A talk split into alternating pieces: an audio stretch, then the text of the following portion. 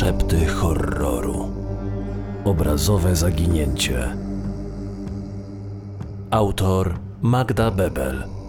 Występują Tomasz Osica, Maciej Dybowski.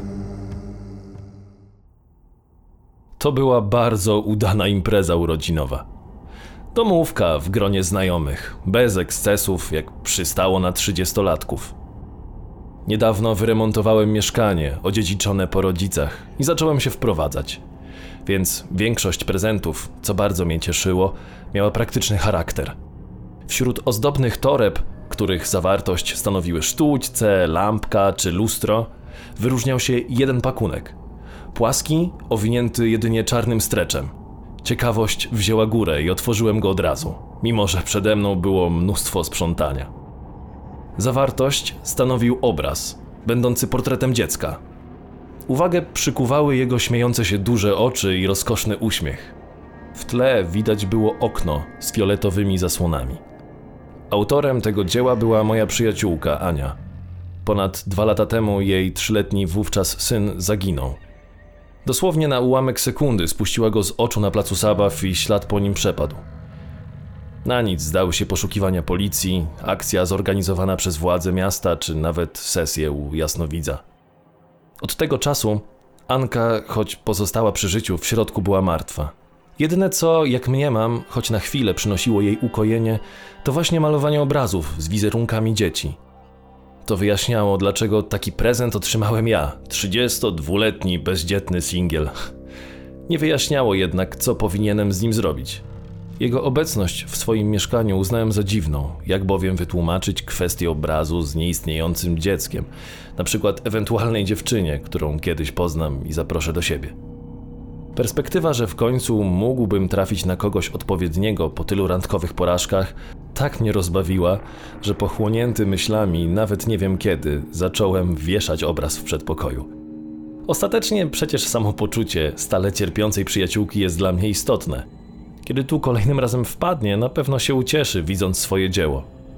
Minął już jakiś miesiąc od mojej urodzinowej domówki.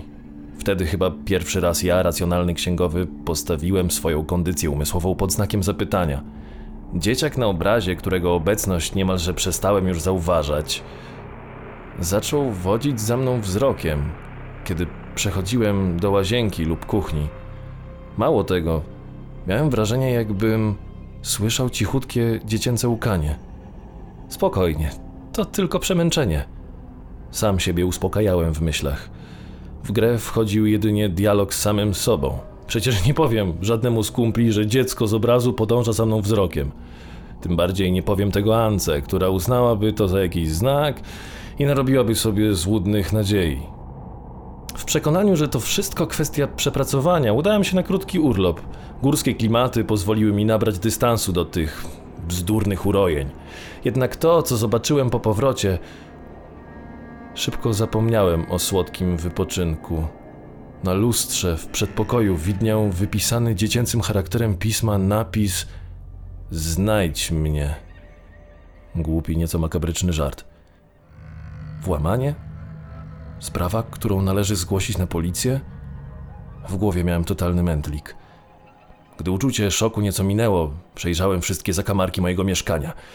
Nic nie zginęło, wszystko było na swoim miejscu poza jednym szczegółem. Obraz dziecka wisiał obrócony o 180 stopni. Gdy chwyciłem go w dłonie, poczułem, że ramka jest cała gorąca.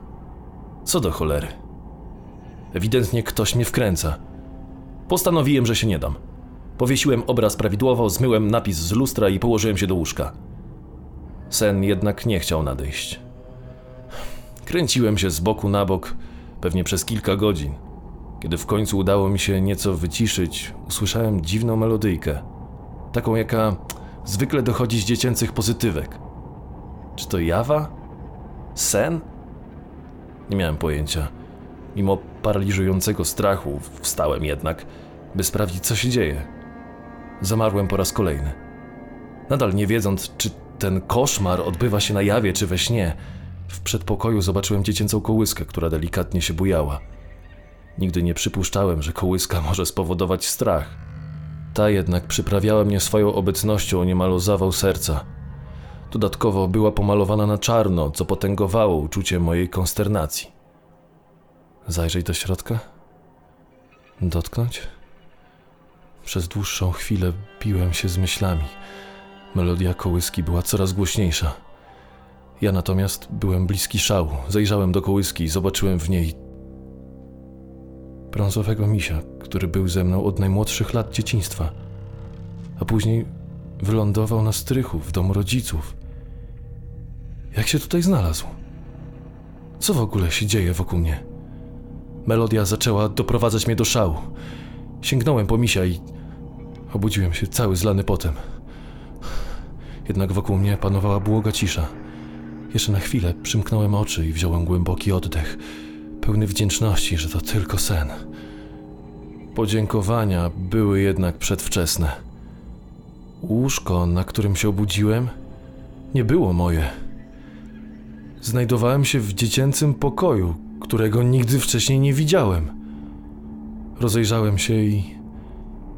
Znajomy był tylko jeden element.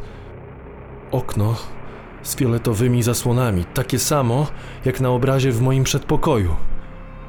Wyjrzałem przez nie i zobaczyłem widok na mój przedpokój i moich przyjaciół, którzy próbują mnie znaleźć.